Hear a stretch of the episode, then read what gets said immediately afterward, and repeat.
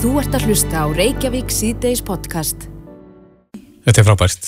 Framlag Íslands í Eurovision núna í ár. Já, sigur lagið í söngvakefni. Með hækkandi sól.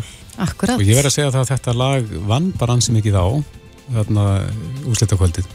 Já, þetta er, sko, margir hafa sagt að þetta sé ekki klassist Eurovision lag en þetta er mjög fallegt íslenskt lag mm -hmm. og mér skilsta að, sko, meininginu bak við textan sé líka ansið djúb og, og svona, já, tekin úr, já, sögu okkar mm -hmm. og fjallar um eh, konu á 19. öld í Vistarbandi. Já, Lófisa Elisabeth Sigrúnadóttir eða Leiló samtilega á texta og er á línunum kom til sæl. Komiði sæl. Og til hamiti með segurinn. Takk kærlega fyrir. Þetta er, þetta er svona íslenskt country.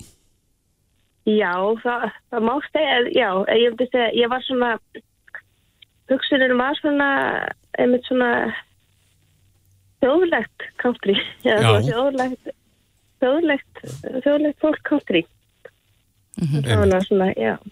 En uh, Lofís að segja okkur aðeins frá textanum, ég heyrði það nú bara í viðtali að þetta væri að fjallað um konu á 19. öldi í Vistarbandi og svo þegar maður rínir í textana þá getur maður nú alveg séð það. Hvaðan kom hugmyndin? Sko, þetta er kannski ekki alveg beint um konu á, á 19. og 18. öld, það, það, það var svona meira að þegar ég var að gera textan þá hérna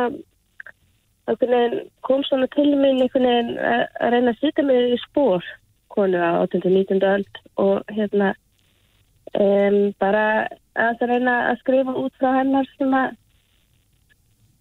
uh, aðstæðum og hérna sjónarhóttnum þó ég kannski alltaf, veit ekki ánum hvernig þetta var en ég get ímyndið mér svona því að það var lesið að sögu sögubækur og svona svona um þetta ástaldarna mm -hmm. og en á sama tíma að uh, þetta sé samt lag sem að maður geti yfirfært í nútíman og í alls konar aðstæðar hjá fólki sem að er að reyna að brjótast undan klekkjum eða eða heitna, lifið við þökkun og bara svona já, bara frelsið og vonin sem að það er gott að hafa von þó að þetta líti oft hræðilega út. Einmitt og, hérna, og það er einmitt þetta myndlíking með við finnum oft eins og hérna á Íslandi það veitur erfur, ég bý hérna fyrir Ístafjall þannig er einstaklega reytandi oft þetta að vera fastur inni? Já, ég er til dæmis núna að sloka hérna heiðin og veiklinn og allt. Erst í hveragerði? Ég er í Ölfustinu Já, já En eh, aðeins að lægin, af, af hverju ákvaðu þið að hafa það á íslensku? Það, það verður sungið þetta að flutta á íslensku úti? Já, það verður flutt á úti Þegar ég settist niður og ákvaða að semja þetta lag þá út af því að ég ég er bara eitthvað nefn svolítið svona já ég ákvæða bara að stemja út út frá mínum eigin smekk mm -hmm. Og ekki að reyna að setja niður að stemja Eurovision lag eða það er svona þessi ekkert sem heitir eitthvað Eurovision lag. En svona ákvæða að reyna því ég fór fyrst ég ætla ekki að gera eitthvað svona fest og svona eitthvað gott poplag. Og, og það eitthvað kom ekki náttúrulega fyrir hjá mér. Þannig að ég sett bara niður og tók upp gítarinn og, og söng og söng og svona fann bara þetta koma til mín og og þennan texta freka fljótt mm -hmm. og þegar ég hugsaði um það á ennsku þá einhvern veginn þá ég ekki alveg hvernig ég myndi yfirfæra það. Þannig að þetta lag á bara að vera á íslensku?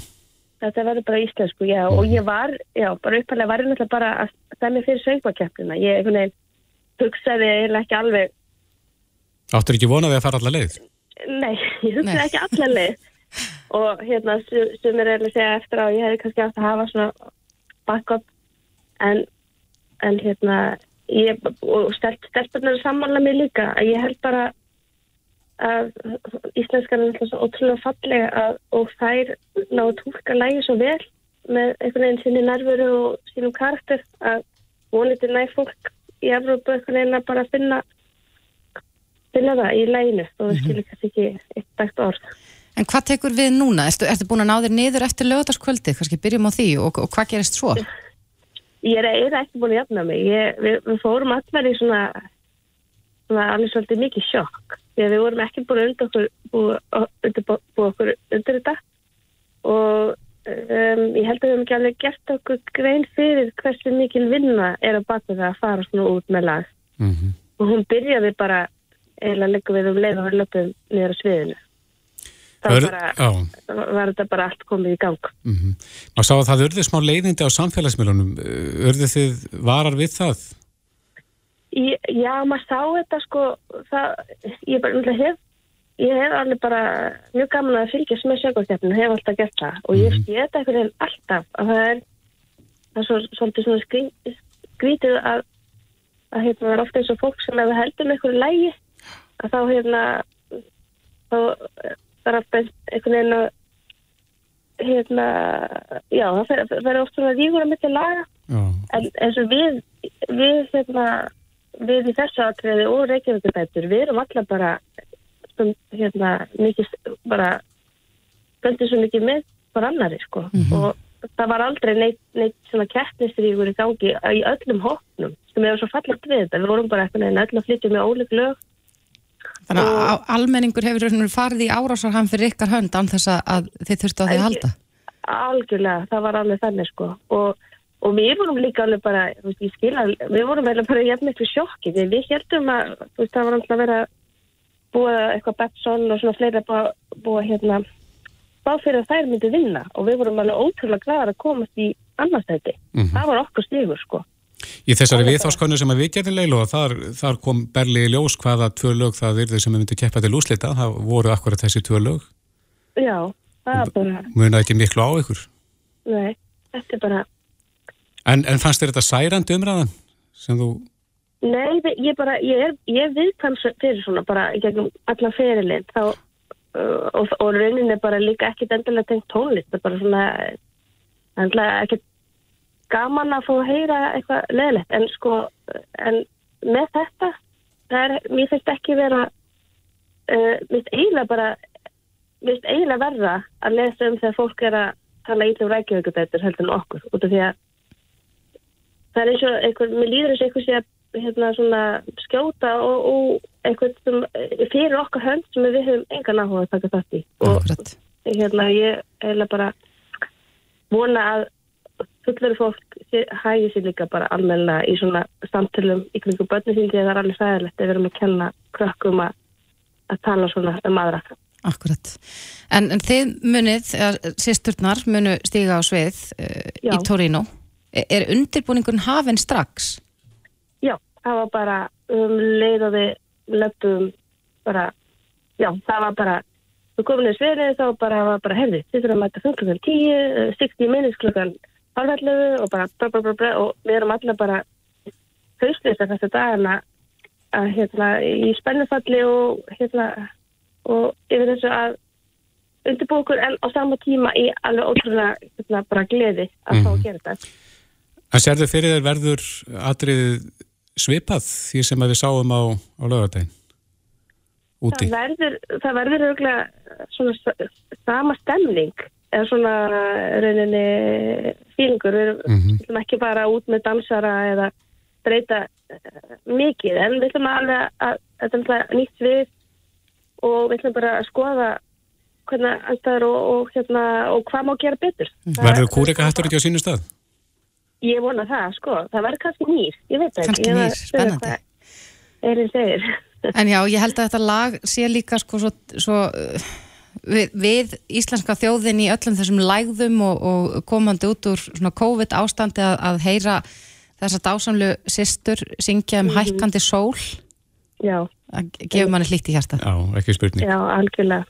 Það, er bara, það var svolítið líka hjá okkur öllum, svona markmiði þessu að, hérna, að geta bara komið með lag sem að geti gefið eitthvað, hérna, gefið eitthvað svona gott í hjarta fyrir Já, fólk. það tókst. Ekki, ekkit endilega eitthvað svona til þess að fara að sigra heiminn, þannig það meira svona, gefum, getum bara sem flestum, hérna, gefið fólki, hérna, eitthvað svona Já. í hjarta. Einmitt, Lófisa Elisabeth Sigrunardóttir eða Leiló, bara enn og aftur til hammingi með Sigurinn og, og flott lag og við náttúrulega bara fylgjum okkur að bak við ykkur í Torino. fyrir. Takk Kæra þætti fyrir spjallið. Já, takk. Þú ert að hlusta á Reykjavík C-Days podcast. Jæja, Reykjavík sítegis á bylginu heldur áfram. Herði ég er með einn móla, erum við höldum ekki lengur áfram. En uh, hér er smá frólismólum það hvernig við getum eldst betur Já, og það er bara mjög einfalt trikk til þess. ég er mjög spennt ég að það. um. Þetta trikk gengur út af það að standa á öðrum fæti á meðan við bustum í okkur tennurnar. Er þetta eitthvað brandar eða? Nei, nei, Hvað á þetta, að gera? ja, þetta hérna, eh, styrkir hérna, jafnvægið, Já, það gerir það, þetta stjerpir hugan Mm. og styrkir beinin líka. já, Þetta er mjög einföld leið vegna þess að við erum yfirleitt alltaf sterkar á annar liðinni. mhm, Þannig að með því að standa á öðrum fæti, eh, flest held ég, busta tennur kvölds og mótna. mhm. Þannig að það er til dæmis sagt að, já, það er til dæmis sagt að busta, standa á hægri fætinum á mótnana og vinstri fætinum á kvöldin Ég sverða að ég mun gleymi sem leið. og svo bara taka Tíman. góð ábending. Já, en þetta er, þetta er viðurkendi leið Mhm. til þess að, að hérna, eldast betur, bæta jafnvægið. Ég held að allar að fara að koma með eitthvað svona töfratrykk við, við öldrun húðarinnar. Já, Var að vonast til þess kannski pínu. ég skal leita því. Já, næsti múli verður beint til mín. Já, En uh, að öllu alvarlega efnum að, að nú hefur kompás verið með umfjöllunum um trúarofbeldi í kristilegum sértrúasöfnum mhm, og þar hafa sko fyrirverandi meðlimir nokkura sapnaða sagt frá sinni reynslu einmitt. og þetta er mjög sláandi frásagnir og, Mhm. og, og erfitt að heyra af, af allskins ofbeldi og kúun og, og fleira sem hefur átt, og lígum sem hafa átt sér stað þarna. Mm Í gær uh, var sérstaklega fjallað um, um uh, votta Jehova. Þarna var, voru nokkri einstaklingar að, að, að segja frá útskúfun og, og fleiru tengdum, tengdu þessu söfni. mhm. Og ein þeirra uh, er komin til okkar í dag, Anna Margrét Kaldalóns, komdu sæl. Sjálfsögð. Já, þetta er eins og við segjum, þetta er, það er átakanlegt fyrir sko almenning sem hefur ekki eh, þekkingu á þessu sviði til þess að, sko, sjá ykkar frásagnir. Getur aðeins sagt okkur þína sögu í, í stuttumáli? Uh, já, uh, og já, vissulega ég get skilið að þetta sé átakanlegt því þetta er náttúrulega, þetta er hörð lífsreynsla að fara í gegnum. Uh, ég er alveg upp í Vottum Jóhá, fóruldra mínar, mínir uh, fóru þar inn með mærum sínum þegar þeir voru unglingsaldri. Þannig að hérna uh, við sískinni þekkjum raunin ekkert annað og enga aðra heldur en það sem að voru þar. um, Máttu þið ekki umgangast þar? Sko, um, það var ekkit rosa æskilegt. Um, ef ég hefði eignast skoða vinkunu, það, ég veit að fóreldra mínir hefði ekki stíða okkur í sundurskiluru, en, Mhm. en hérna, þetta var rosa mikið við og þau hinn. Uh, við sem sagt í söfnunum vorum að gera rétt og, þar, og fylgja sannleikanum og þau skrifa sannleika með stóru essi. Það er breyt sannleikur. Allir hinnir eru syndarar. Þeir eru ekki bara öðruvísi, þeir eru syndarar. Þannig að það er eh, búin til óbúslega breið gjá á milli þeirra sem fylgja mm, þessari, fylgja vottunum og henni sem eru fyrir þetta. Þannig að þú fæðist í raunin inn í Votta Jehova. Já. Uh, hvað ertu gömul síðan þegar að fadirinn ákveður að, að þið gangið þetta út? Um, ég var uh, 12 ára, ég var rétt að vera 12 ára og uh, hann var búin að vera með sínar efa semdir og ákvað svo bara þetta, hann gæti ekki fyllt einmitt þessu lengur þetta uh, með, þú veist að þetta væri það eina rétta Mm í heiminum. Um, bara velfengjandi maður og, og sá að hérna, þetta bara gati ekki staðist. Hann sá um píanóleik sem sem spilaði undir söng á samkomum og svona og þannig að við gátum ekki bara svona stíðið hljólega til hlýðar hann sendi inn bref um, afskaplega pent og vel orðað bref að, að hérna hann gæti bara ekki hugsað sér hans sannfæring væri ekki lengur þarna. -hmm. og þeim varð bara svo mikið um að, að hérna, brefi var sendt til höfustöðana í New York. Og hann rekin í kölfarið og, og mamma sem sagt konan fylgir alltaf eiginmannum það, það, það er náttúrulega eitt af því sem er þetta mikið kallaveldi um, og við fylgjum fóreldrum okkar. Uh, og svo er sem sagt það sem gerir svo að þá er þá er þau rauninni lesin upp á samkomu nöfnin þeirra sem brottreknir einstaklingar og þar með bara í einu vetfangi þá köttast á, á allt sem við þekkjum. Já þannig að hinn er í söfnuðinu mega ekki er það þess vegna sem að nöfninu er lesin upp svona ofinbarlega til þess að aðrir hafa ekki samband við ykkur aftur? Já, já, já, til að vita þess að máttu ekki tala við mm -hmm. og það var einmitt eh, einn sem að átti börnarsupum aldrei og við vorum sem spurði sérstaklega á þessari samkomi en hvað með krakkana og það bara nei, þetta er ekki æskilögu félagskapur. Hvað breyttist hjá ykkur? Allt. Það var ekki... Þú tólvara, hvernig upplifur að vera komin þarna út fyrir þetta samfélag? Um, þetta var rosalega blendan tilfinningar, óbúslega blendnar. Um, ég var náttúrulega, það er, það er ósala sterk innræting í gangi þarna, alltaf. Það eru samkomið, tveikjartum að samkomið tvísari viku, það er svo kallar bóknám einsinu viku, litlir hópar svona í heimahúsum. Og, um, um, og ég var búin að vera að spyrja fóreldra minna, þú veist, er þetta öruglega rétt? Ég var svona mikið, mjög alvarlega krakki, mikið þengjandi og spáði mikið í hlutina og jú, ég var búin að fá þá skýringu að það væri rétt og, og ákvað bara já, þetta er bara svolítið málið og, og hérna skildi ekki eiginlega öllum hinnum að sjá það ekki þannig að fyrir mér var þetta tilverðan fór á kvolf og um, ég vissi eiginlega ekki hvað snýri upp og hvað snýri niður lengur af því að um, eins og segja það var ekki bara það við værum öðruvísi heldur og voru allir hinnir að syndga mm -hmm. Og allt í einu einhvern veginn komin í þann hóp og hvernig átti ég þá að en byrju mamma og pappi voru þar þau voru að gera rétt, ég treysti þeim en ömmetna voru hinum megin ég treysti þeim líka þannig að þetta var svona ja, þetta var svolítið þeim sendir Og töluðu ömmetnar ekkert við ykkur eftir þetta? Þau, sko þær máttu tala við okkur bönnin en, en hérna okkur var bara skuttlaðangað í heimsang þau máttu ekki stíga og alls ekki pappi hann var bara hann var, hann var algjör bannvara.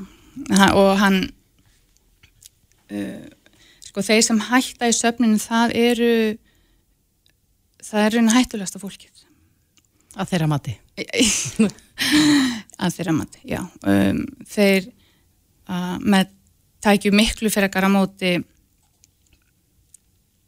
eins og þessi morðingjum og nöðgurum ef þeir við samþekja trúna þeirra mm -hmm. þá er þeir orðinir ok ef þú ert bara vennileg góð manneski eins og þú og ég en ferð að hugsa nei þetta hendar mér ekki að þá ert þú þá ert þú bara komin í hóp vestu bara þeirra vestu Akkurat, er það þá einhver ógn við já, þeirra grunngildi og þeirra stóðir hinnlega ef, ef fólk fer að sína gaggrinu hugsun? Já, uh, já, í rauninni sko, því að það er, veist, það er allt óbúslega stíft, þetta er mjög þröngur rammi og já, ógnið stóðirnar og ógnið bara, þú veist, þetta er, Guðu leifir þetta bara ekkert, mm -hmm. þú veist, bara syndka. En þú ert þarna 12 ára mm. þegar því ég veit ég við þetta. Hvernig var til dæmis að upplifa síðan afmæli og, og jól? Kom það fljótlega í kjölfarið? Já, sko að þú verið að tala við sískinu mín að þá þeirra sagði þau voru rosa fegin að sleppa. En alveg patni ég sem var búin að spá svo mikið ít og einhvern veginn taka þess að ákvörðun alltaf að verja þetta í skóla nei, ég fæ ekki ammaliðskjafi, nei, við heldum ekki þú veist, en einu sinni ekki jólin. Um, þannig að um, jólin voru mér fannst brjálaðslega rétt að fá gafir ég bara, hérna, ég gæti einhvern veginn ekki glaðst og fekk svo rosa samansko bitið verið að geta ekki glaðst um, Hefur það breyst? Já, almáttur enda nokkur ár síðan mm -hmm. um, en já, já hérna, það var það hefði mikil áhrif á andlega líðan mm -hmm. rosalega mikil áhrif En það var talað um í, í, í gæra að já, í Noregi til dæmis, að, þá var úrskurðað nú í janúara að, að vottarnir skildu sviftir ríkistyrkjum vegna útskufunar sóknabarna sinna. Uh, Vottar ég hefa verið enn að fá ríkistyrki hér, uh, svona sapnaðar gjöld, minnum að það sé kallað. Mm. Uh, þætti þér rétt að svifta þá þessum ríkistyrkjum hér á landi? Ég, svo sannlega. Það, um, það er raun alveg í hött að söfnir sem að beita svona ofbeldi og svona ofbáslu ofríki og stjórnun að, að þeir sé á styrk frá ríkinu mm -hmm. þannig að veist, þeir þurft að breyta ansi, ansi miklu hjá sér ef að maður ætti að sjá það sem sem eðlilega hluta er hérna það eru ríkistyrtir Akkurat. Þannig að þarna þurfa stjórnvöldina að, að grýpa inn í og nú eru þetta verið hérna, með þessum viðtölum að einhver leta afhjúpa uh, það sem á sér stað þarna. Þetta er bjart sín á að, að á þetta verið hlustað hmm. að stjórnvöld stýji inn í þetta? Vistu að ég veit það ekki. Ég vona það svo innilega að því það er svo mikil þörfa á því. Um, að, já, að það sé bara einhvern veginn viðurkjönd og hort á hvað er að gerast. Það má ekki leifa svona uh, svona ábeldið að grassera. Nei. En eitt af því sem að, að þú saðir í gæri er að þú myndir gertan vilja koma og fóta stuðningshópi mm -hmm. fyrir, fyrir þá sem að er að stíga sín fyrstur skref utan uh, ég sér tósafna uh, er þörf á þessu? Er, er eitthvað sem að grýpur fólk sem mögulega missir allt tengslanett og og eins og þú talar um þetta er bara, maður þarf svona hálpartin að læra að lifa upp á nýtt. Mm, Nei, það er bara nákvæmlega ekki sem grýpur og, og hérna og, og fyrir þau sko sem hafa verið þarna lengi og eru með familíuna þarna inni, fjölskylduna sína þau eru bara, þau eru bara lausu lofti og í bara ekki góða málum. Þannig að það er mikil þörf á, á hérna, stuðningi og, og, e, og fagleira aðstóð Hver er að hafa forgöngum það að stopna svo leiðsóp? Um, sko við vorum svona svolítið hver í sínu hotni búin að vera að hugsa um þetta svolítið lengi að, að, að, setja svona hóp á laginnar mm. og, og, og, er, og er bara búin að vera í sambandi eftir, eftir þetta heikja er og hérna ætlum að stopna. Ætlum að hittast í vikunni og bara um, kýla á að stopna svona stuðningshóp. Mm -hmm. Þið hefur reynslu til að miðla? Við hefum fullt að reynslu til að miðla og, og hérna náttúrulega búin að lesa líka búin að lesa fullt af alls konar og, og bara þörfin er fyrir hendi. Einmitt. Já, Já Anna Margret Kaldalóns, kæra þætti fyrir að koma og segja okkur þessa sögu. Já, kæra þakki fyrir að byrja Gangið vel. Takk Þetta er Reykjavík C-Days podcast Hinn árlega umræða um uh, Malbygg er nú í fullum gangi? Já, sko, ég veit ekki hvort það er bara það að ég sé fljóta að gleyma, en mér finnst ástandi af vegunum vera verra en áður. Já, Bólurnar eru einhvern veginn dýpri og fleiri mm -hmm. og við rættum nú um daginn um Malbygg hérna við uh, Frankværtistjóra Kólas. Ísland, Sigþór mm -hmm. Sigursson. Mm -hmm. Hann talaði um að uh, já, Malbyggið sem er notað hér er fyrsta flokks og, og bara, með minnan hafði nú bara sagt að það væri besta allavega í Evrópu. Já. Akkurat. En það er spurning hvort að Ólafur Guðmursson, umferðar öryggisjárfræðingur sem er komin til okkar sér sammála þessu. Sæl og velkomin. Já, takk. Erum við með besta Malbygg sem við höfum á?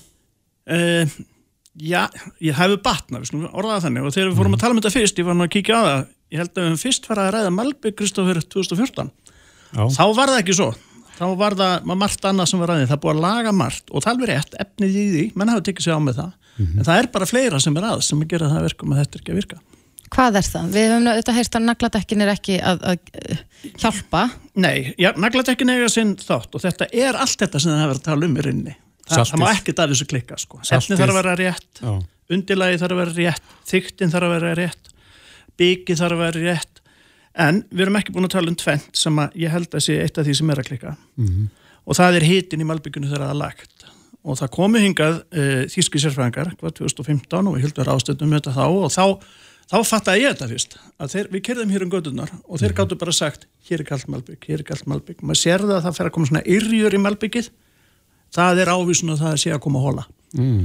það komið svona yrja í malbyggið þá hérna þá, þá er það að brotna upp og það sem er að gerast með það að þegar malbyggið er lagt, það getur verið gæða malbygg og allt sem að titt og nema, það má ekki verið kaldara heldur en heldur 125 gráður eitthvað svo lis, þá er það að byrja að storkna og þá límist ekki mölin og byggið saman og límist heldur ekki við undirlegin og það hvað... er það sem er að klikka Eh, vantar það ykkur að græju eða hvað, hvað vantar? Já, vantar, já, fyrstulega vantar það við, við, við erum ekki með einograða vagna Erlendis er að þannig að menn er með vagna sérstakka vagna, við notum bara malarflutninga vagna svona í flestum tilvöldum, mm -hmm. en það eru sérstakir uh, vagnar með miklu þykkari hliðum uh, og einogrun til þess að malbyggi kolnikins mikið þegar kemur frá vesmiðinni, frá malbyggunastöðina Hvað kemur það heitt þaðan, veistu það? Ha? Hvað kemur það heitt frá vesmiðinni? Það á að vera kringum 150-60 gráður þegar kemur út úr vesmiðinni og má kólnan í svona 120 125 þegar það er lagt og þetta er fylst með þessu með hitamyndavilum og menn setja hitamyndavilar annarkot 18 á malbyggunavilarnar eða er með hitabissur til þess að sjá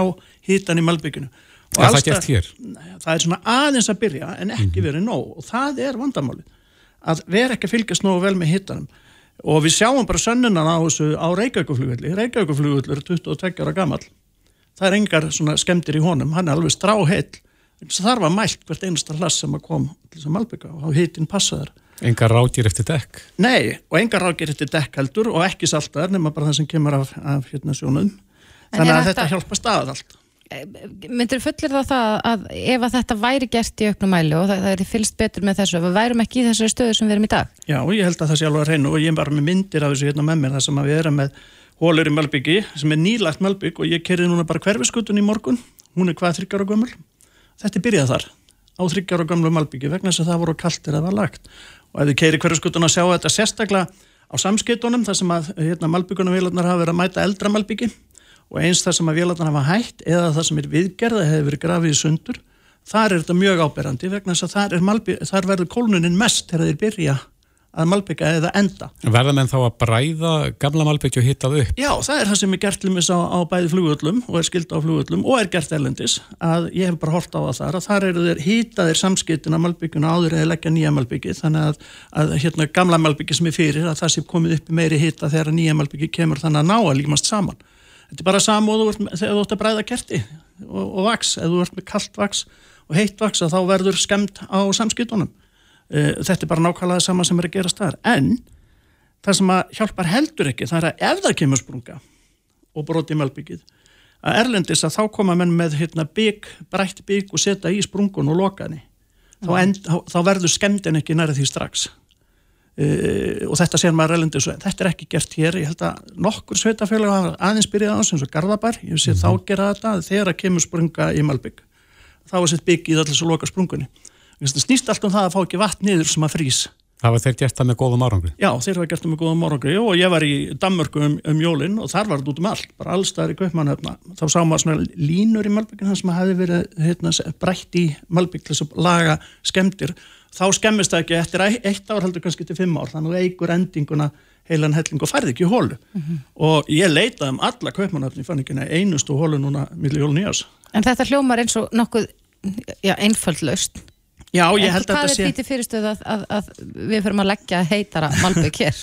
bara passa, passa sem ég sko, gæða eftir lit. Það vantar svolítið að menn mæli þetta bara jafnóðum. Og ég hef síðan niðurstöður úr mælibusum þegar þetta var gert hér á miklubrutinni og mm. maður sá að þetta fyrir til litum.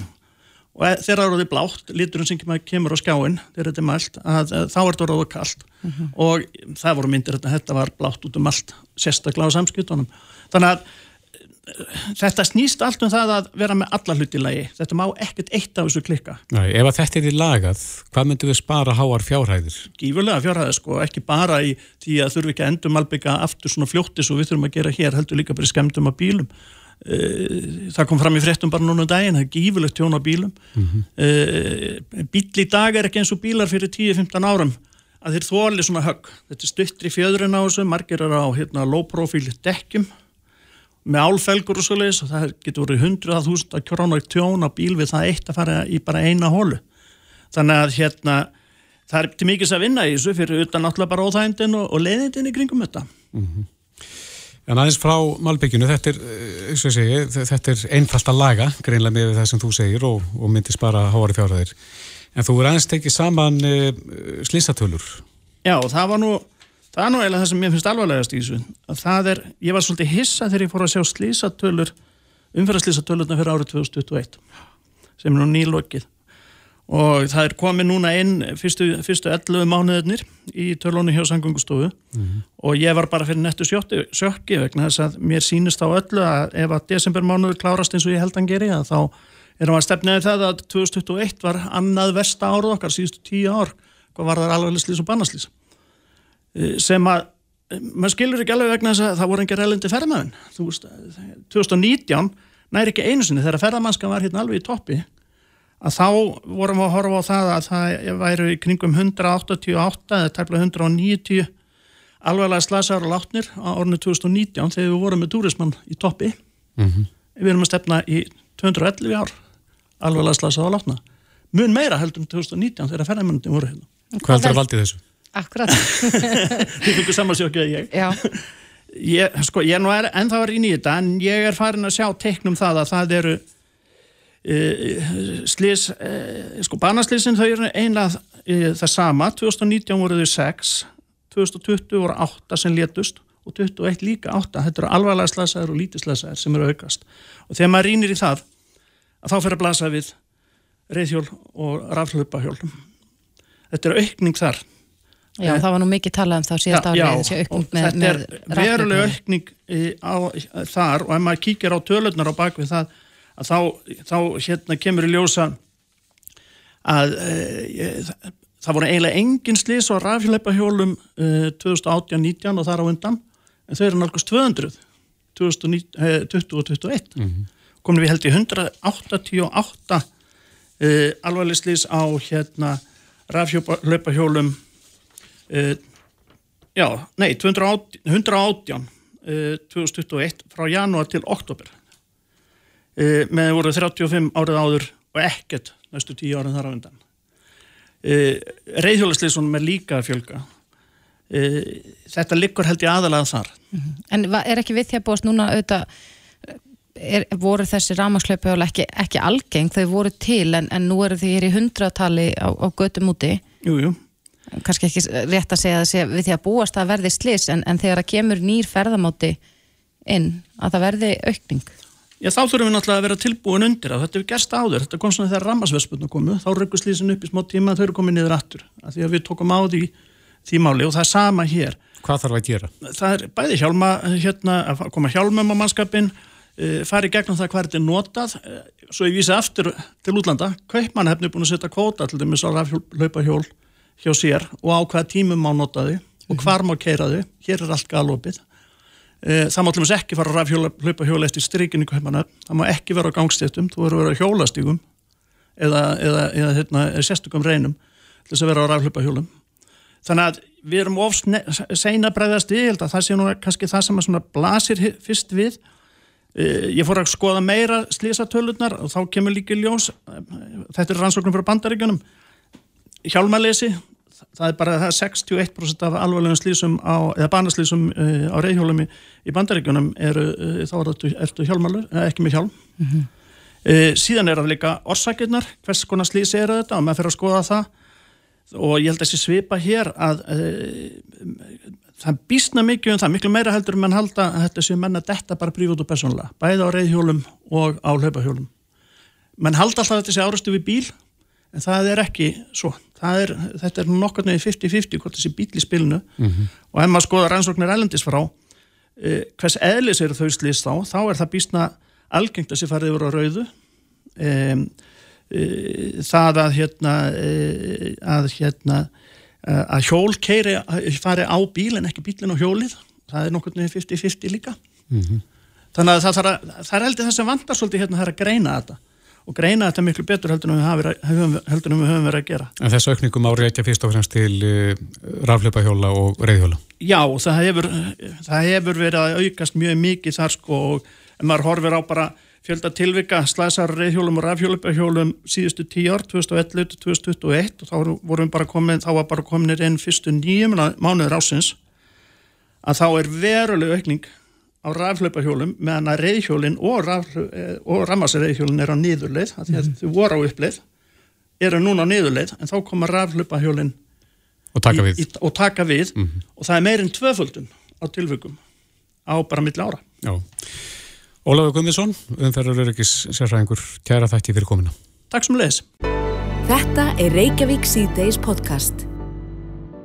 Það er klukkan 28 minnir kengin í 6 og uh, nú er það alþjóðamálin Já, uh, augu allra mm -hmm. eru þetta á ástandinu í Úkrænu og uh, já, Kína hefur, það hefur ekki mikið heyrst frá, frá kynverum og þeir hafa svona vilja að stilla sér upp sem hlutlösu ríki. Mm -hmm. Nú hafa rússar kallað eftir aðstóð frá kynverum, bæði í formi vopna og mm -hmm. eftir efnahagslegri aðstóð. Já. En kynverjarnir verðast vera hérna í líkil stöðu til þess að hafa áhrif á uh, þetta stríð. Mm -hmm. Helgi Steinar Gunnlaugsson, alþjóð stjórnmálafræðingur, er komið til okkar, velkomin. Já, takk fyrir það.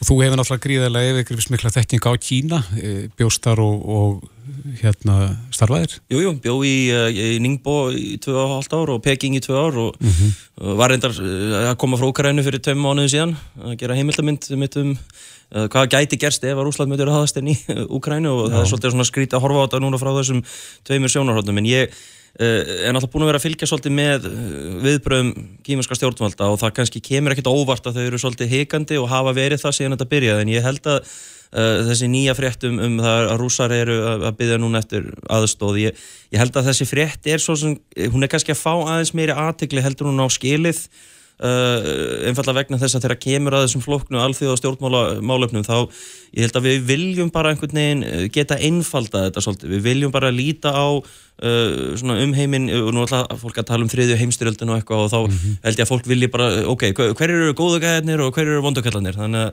uh, þetta er svona Uh, og við eigum svolítið til að detta í þessa grefju að halda það bara vegna þess að, að Kína og Rúsland eru bæði einræðisríki og með svona slæma mannreitinda uh, sögu þá að, að þau eru einhvern veginn þá allt í hennu bara góðu vinir og, og hérna uh, þeir eru náttúrulega vissulega búin að vera að byggja upp samstarf sín á milli og náttúrulega munum eftir í byrjun februar þá saðu Xi Jinping og Putin að uh, samskipti ríkjana uh, vináttaríkjana ættu sér engin takmörk. Mm -hmm. en ég, ég held að, að kýmur voru enga veginn að búast við að þetta myndi gerast bara í sama mánuðinum. Uh, en núna sagt, uh, eins og segi, þeir hafa beðið um aðstóð hérna hernaðarlega og hérna en kýmurræðin hafa ekki ofinberlega viðkent þetta þetta er náttúrulega bara eitthvað sem kom frá bandaríkjunum. Uh, og það kannski kemur ekkert á óvart. Putin er náttúrulega kannski orðin bara örvendingafullu núna og, og það er náttúrulega allir heimurinn er búin að loka á hann.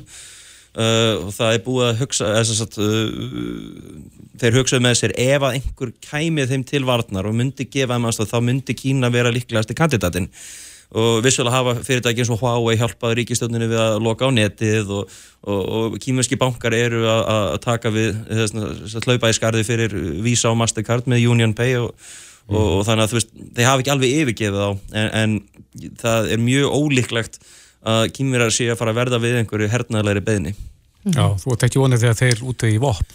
Nei, fyrsta lagi, sko, náttúrulega hernaðlega sé að það verður bara allt og seint núna að vera eitthvað að reyna að útvega því og svo, uh, sko, við slumum ekki gleyma því, sko, Kína, jújú, jú, þeir hafa sínt mikinn svona offorsa á þjóstnarskap í söðu Kínahafi og, og, og málefnið svo Hongkong og Xinjiang, þeir náttúrulega hafa verið uh, síðferðið hefur kannski ekki verið efst á, á, á blæðinu hjá þeim uh, undanfarin ár, en þau reyða sig rosalega mikið á stöðuleika í heiminum.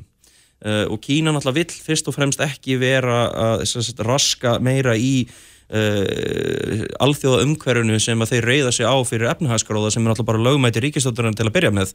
Uh, og þar að auki ég held að þeir bara vilja ekki vera vittlusum megin við söguna, ég meina þeir sjá það núna að það er Veist, innrás þjóðarinnar innrásin í Úkarænu er eitt en svo þegar þetta er komið út í að, að, að þú ert að sko, sprengja hérna, barnaspítala og, og svona, það, það er bara eitthvað sem ég held að kýmverska ríkistöldin það, það, er ekki, það er bara slæmt PR sem ég held að þeir þurfu ekki á að halda. Mm -hmm og það er líka aukið, eru þeir búin að vera að syngja þennan söng í mörg, marga ára tíu að það er að verða þjóðarétt og, og hérna, eru búin að vera ásaka bandarækjumenn fyrir að vera stríðsglæðir og, og hafa sagt að við erum búin að vera svo stiltir og það er veist, þrátt fyrir svona, að vera íta af og til á Tævann en þeir myndi bara missa allan trúverðuleikan ef þau færi svo allt í einu að styðja stríð bara vegna þess að það er hendugt í einhverju nýja kaldastriðisumkari mm -hmm. En sko fulltrúar bandarækina á Kína hittast, hittust í dag í Róm til þess að ræða beðinu rúsa til kynvera er eitthvað hægt að spá í spilin ef að þeir já, vilja ekki veita þeim aðstóð, hvað gerist þá? Og ef þeir veita þeim aðstóð, hvað gerist þá? Sko ég held að þessi fundur í Róm er einmitt uh, uh, tækifari líka bara fyrir bandaríkinn til að leggja línuna svolítið og útskýra uh, fyrir Kína. Um, sko ef þið takið þátt í að veita vopn uh, þessar efnahagstyngarnir sem Rúslandi er búin að fá það, veist, það er alveg að færa það líka yfir á ekkur og, og ég hérna en eins og ég, ég var að tala um að Kína er náttúrulega búin að vera mjög heikandi þú veist hinga til, þeir náttúrulega hafa ekki fordæmt þessa innrás en þeir hafa kannski ekki stuttana heldur. Mm -hmm. um, ég held að þetta er einmitt að fara að útskýrast bara núna á næstu vikum uh, hvar Kína stendur að því. Ég held að það líka að taka ekki afstöðu í svona langan tíma er ekki gott fyrir uh, stöðu Kína á alþjóðavísu. Þeir verða að fara að sína á spilin. Þeir verða það í rauninni vegna þess að Uh, ég held að sko það sem kom þig kannski á óvart líka, þetta kom Putin vissulega óvart, hann held að þetta myndi vera bara ekkert mál að fara inn í Ukrænu og taka þetta yfir á nokkrum dögum. Uh, ég held að sko þessi já eins og ég verið að tala með þennan þessar ákvarðanir kýmerska yfirvalda í söðu Kína hafi hafa tengst soldið í gegnum tíðina viðbröðum Vesturlandana uh, til dæmis við stríði Georgíu 2008 Krímskæin 2014 og þeirra var áðast var inn í Donetsk og Luhansk.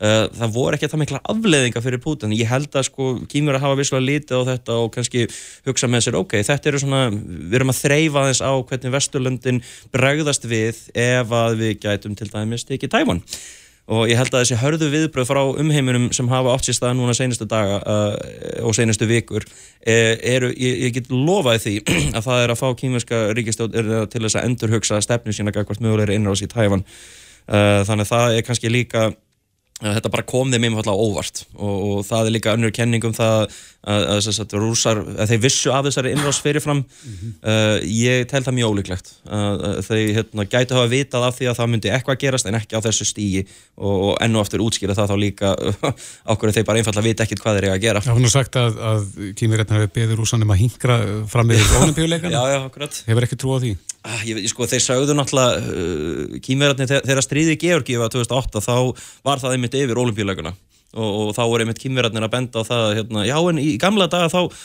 var engin í stríði þegar olimpíuleikunni voru og svona ég uh, nei, ég ef það væri þá, þá væri það frekar svona skrítin beðni, ég menna Putin verist ekki vera að hlusta á það, það, eru marga kenningar um það að hann mm -hmm. hafi ráðist inn í Úkræna því að bandarækjumennir orðnir og voru niðurlegar í Afganistan eða uh, það er einhverja svona hli, margar hliðar á þessin ég held þetta sé bara vegna þess að hann uh, þetta var bara einhlið ákvörðun hans uh, og það sem er að gerast núna er að hérna Uh, jafnvel Löndes og Kína sem voru svona hans uh, ágættu vinir uh, veit ekki hvernig það var bregast við mm -hmm.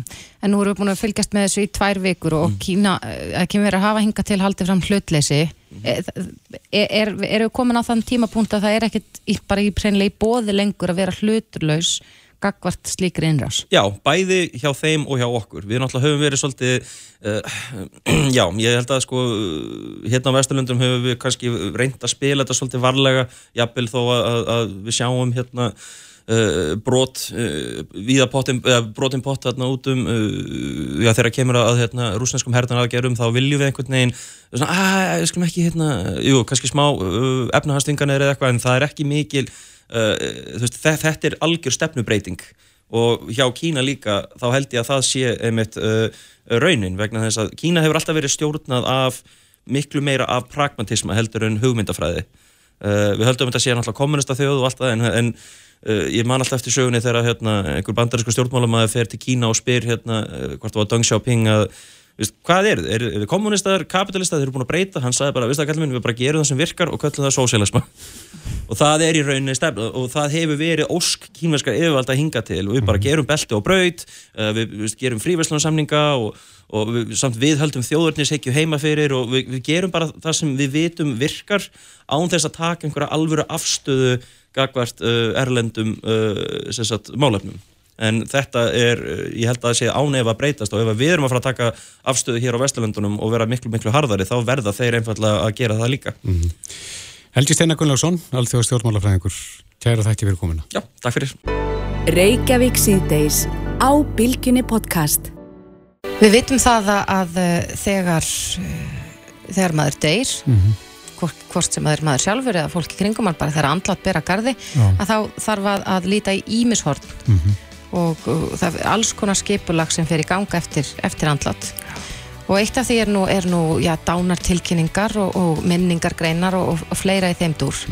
Og það er nú ekki langt síðan að við rákumst á uh, vefsíðuna minningar.is sem er uh, gjaldfráls vefur sem auðveldar fólki að varfita minningu uh, látins ástunar einmitt. og uh, skemmtilegt að segja frá því að bara núna fyrir helgi voru uh, vefverlunin afhent og minningar.is hlutu verlun fyrir efnis og frétta veitu ásins Já, en frábært. Já, og þetta er, þetta er mikil nýsköpun í, í þessu. Það, þetta hefur kannski verið já, lítill markaður fyrir, fyrir svona lagað. En þarna getur maður skrifað inn minningagreinar og, og haldið út í svona minningar svæði fyrir látna ástunni. Og þetta er viðingavert uh, verkefni vegna þess að þetta er ekki rétti með gróða að sjónamiði. Alls ekki. En á línunni er uh, talskona þessara síðu, uh, Sirri, eða Sigriður Arnardóttir, komdu sæl Góðan dag og komið sæl. og við segjum bara til hammingi með verlunin.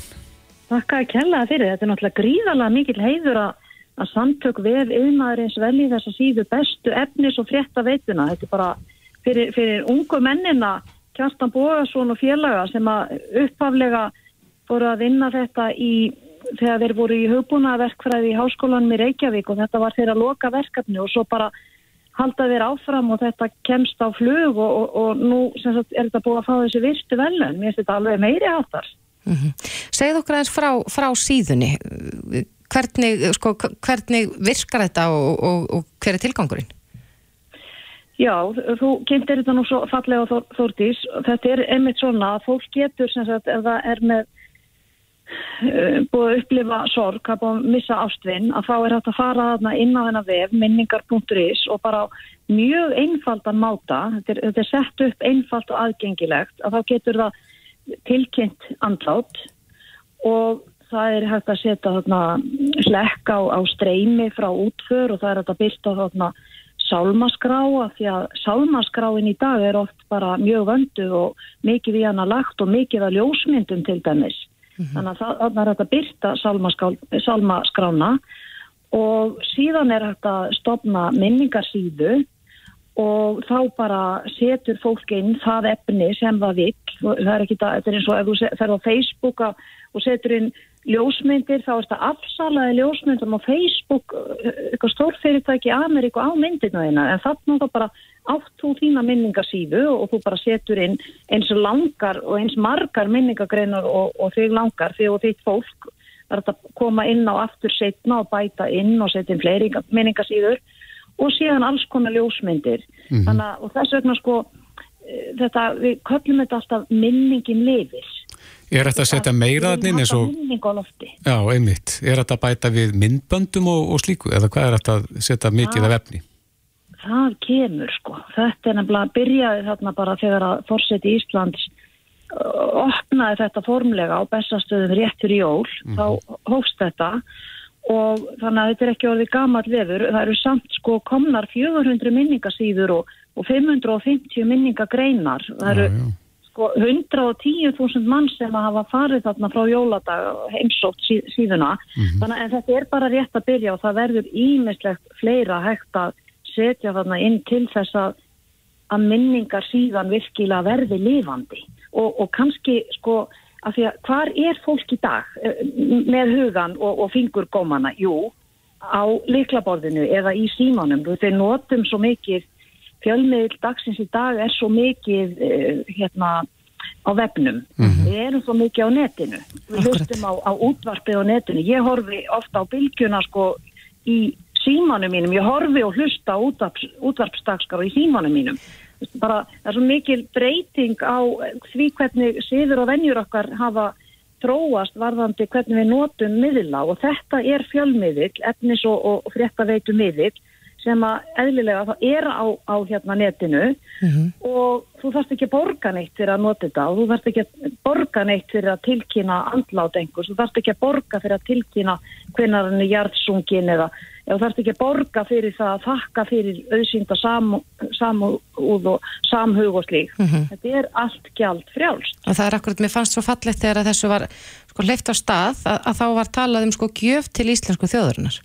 Já, þetta er það þess vegna er svo gaman að fá að taka þátt í þessu og fá að vera talsmaður fyrir minningar.is af því að einhvern veginn þetta er, þetta er nýtt, ma maður sér þetta hverja annar staðar, bara svona minningavefur um látna ástinu og þú getur bæði hægt að setja nýlega andlát og tilkynna uh, andlát en það er líka hægt að fara og setja inn minningar um einhvern sem lést fyrir löngu.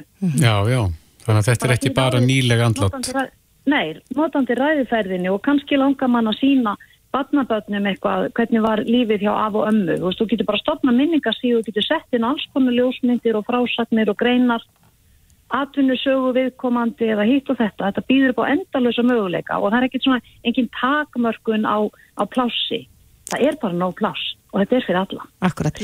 En, en ekki nóg með það að þarna eru eh, sko hægt að halda minningu ástvinna á lífi þarninni, mm. en þeir eru líka með alls konar svona hagnýtar upplýsingar sko fyrir fólk sem er í þessari stöðu eh, já. þegar að fólk þarf að taka allar þessar erfið ákvarðanir varandi já, útför og, og, og fleira.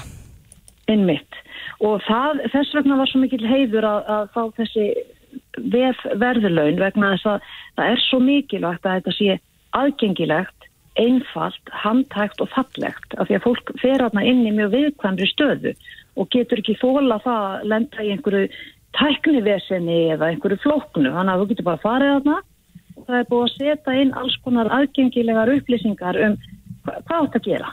Mm. það er ekki eins og við séum að spá í það eh, dagstaglega hva, hvað gerum við ef við missum ástinn en, en þarna eru hagnýtar upplýsingar um allt mögulegt sem þarf að huga að við andlátt Er búið að tryggja rekstu síðunar? Þar sem hver, hver sérum að reka síðun á og hversu lengi? Já, þetta er bara komið til að vera og þetta, sko, þegar þetta var varða veruleika sem, sem lokaverkefni, það var bara gengið í að tryggja fjármagn og þetta er ekki hagnaða drifi, þetta er bara gjöf til þjóðarinnar. Mm -hmm. og hver, kannski, hver er ekkur þetta? Það er fjölskylda eins úr hópnum sem Kjartan Bóðarsson, einn af, einn af þeim sem er svo flinkur í, í hugbúnaverkfræði Mm -hmm. Fjölskylda hans bara ákvaða að vera með í þessu. Tannin heitir fyrirtæki sem er svona bakvið þetta. En, en það er ekki, það, það er ekki að hugsa um að fá eitthvað út úr þessu annað en bara að gefa svona kærleiks vika síðu til þjóðarina sem að fólk getur bara að nota þetta. Já. Akkurat, já, þetta er, þetta er góð gjöf til þjóðarinnar og, og við kvetjum uh, þá sem að, já, annarkort er í þeirri stöðu núna að missa ástvinni, að hafa mist ástvinni, að, að setja þarna inn minningar um þá lotnu. En já. Eh, Sigriður Arnarsdóttir, Siri, talsmaður já. fyrir minninga.is, kærar þakkir fyrir að segja okkur frá þessu. Takk fyrir að hafa samband, kærlega, takk. Reykjavík síðdeis á Bilginni podcast. Alltaf séu nokkra stofnarnir sem að fólk vil síður fá upp á móti sér en skattin Nei, ég hugsa eða ekki Best af að þá rétti megin Já, ég ég skilaði skattarskíslun minni gær Já. og ringdi auðvitað í stjúpmáðu mína mm -hmm. sem er sér fróðum frá nefni Einmitt. og ég sagði, já, nú er komið að árlega símtalinu maður vil fá svona eitthvað staðfesting á maður sem gerir það rétt já. en skilafresturinn rennur út á miðnætti í kvöld, þannig að mm -hmm. ef einhver er að hlusta og er ekki byrjar að spá í skattarskísluna þá er bara um að gera að drífa þetta af. En það er nú hægt að sætja með það ekki frest? Nefnilega ekki lengur. Er það ekki? Þeir eru hættið með frest. Við fáum í rauninu bara öll frest, það Já. er bara búið að framlengja þetta um held ég viku eða eitthvað. Mm -hmm. En það er ekki lengur hægt að fara eins og ég gerði alltaf árum saman. Fóri inn, sótt um frestin til þess að íta verkefninu aðeins út undan mér. Einmitt. Eins og margir gera. Já. Vala Valdísdóttir, skattalögfræðingur hjá Lögfræðistofur Reykjavíkur, er á línu, kom til sæl. Já. Já, hvernig er þessu hátt á núna? Er, er þetta alltaf að breytast eða? Nei, nei, það er svo sem ekki rosalega miklu breytinga með ára en það er, er samt og það sem að ég hef nú haldið að fólk ætti fyrst og fremst að hafa í huga mm -hmm. er ef það er með eitthvað annað en bara vennilega tekjur að því að bara með, launamaður frekar einfalt og þetta ekki að kaupa og selja eignir þá er þetta frekar einfalt. Mm -hmm. Er það, það bara eitt hak eða eitthvað slíkt eða? Já, það er rauninni, sko, gefur mér sér möguleika á því hjá þeim sem eru með slíkt.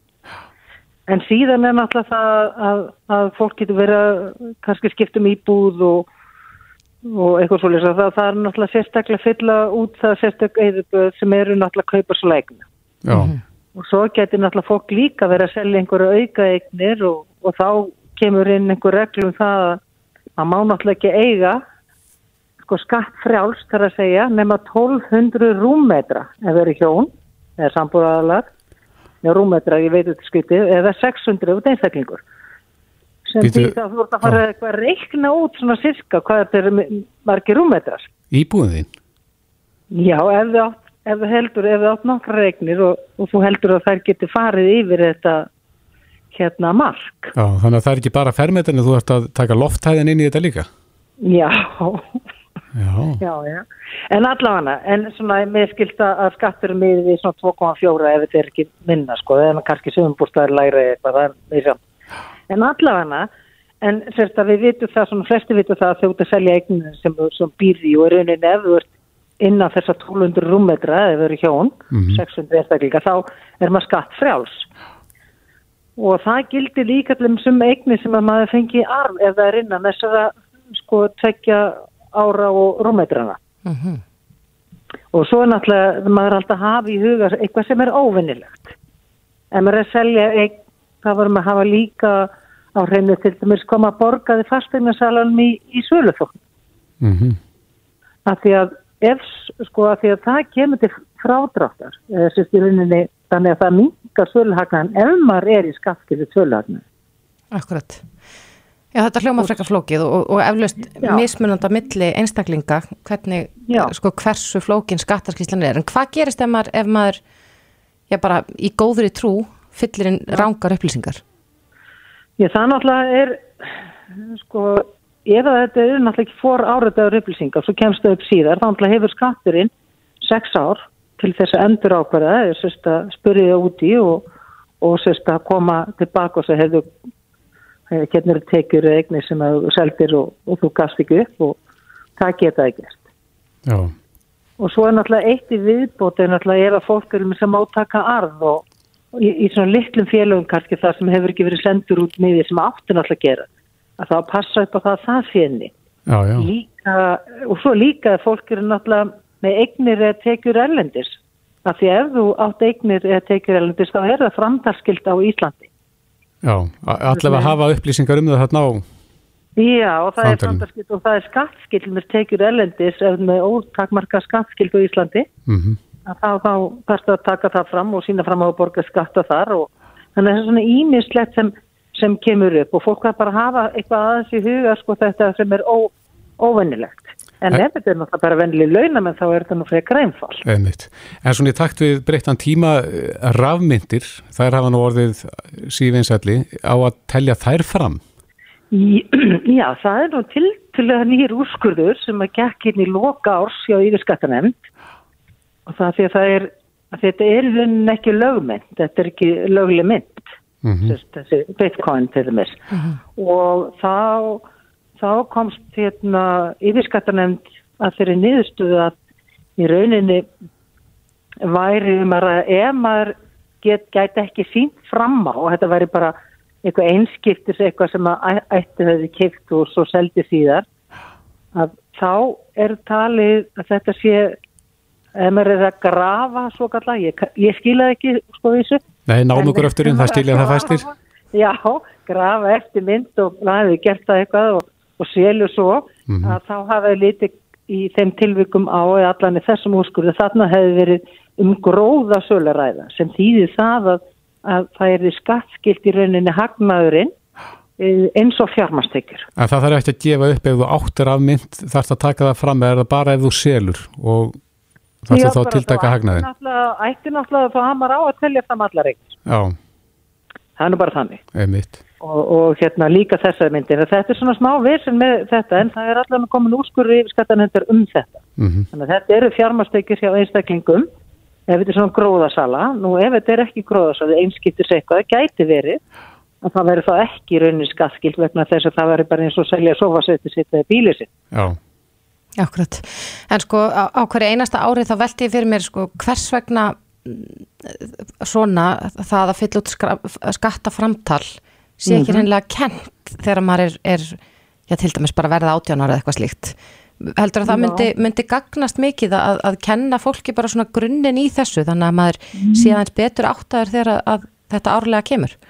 Já, ég er ekki frá því. Það er líka sko, þú veist, bara sína fólki, ég verð ekki tættu við það, maður fer inn á framtali sitt og ég er alveg samanlega þessu, það er bara verið upplýstur um það hvað maður á að gera og hvað maður á ekki að gera.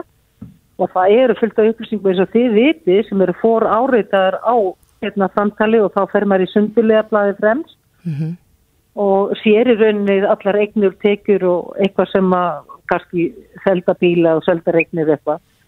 Þannig að þetta er þarna inni og ef er einhver viklir þá getur maður laga það. En það er ósláð mikið upplýsingar sem eru náttúrulega fóráruð þetta er þetta en maður þarf alltaf að hafa í huga allt það sem maður hefur gert og það, það er nú bara svolítið að skattið vel tán og alls er miklu upplýsingar og fá miklu upplýsingar með því elendur frá þannig að það er eins gott að gera þetta rétt maður veit ekki fá hérna tekinni bakar í setna Æ Tökum við það, Vala Valdísdóttir, skattalögfræðingur hjá lögfræðistofur Reykjavíkur. Nú erum við að gera muna frestinn, það er til 12 minúti í kvöld. Já. Takk fyrir spjallið. Já, það er ekki málið, bless, bless. Bless, bless. Já, það er eflust einhverjir sem voru að hlusta og, og hjartaði farið að slá aðeins ræður og það eru örfáður klukkutíma til stefnu til þess að skila skattaskýrslunni. Já. En ágættis áminning, eflust.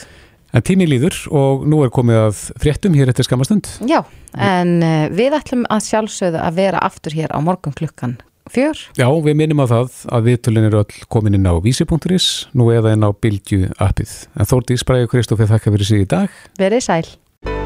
Hlustaðu hvena sem er á Reykjavík C-Days podcast.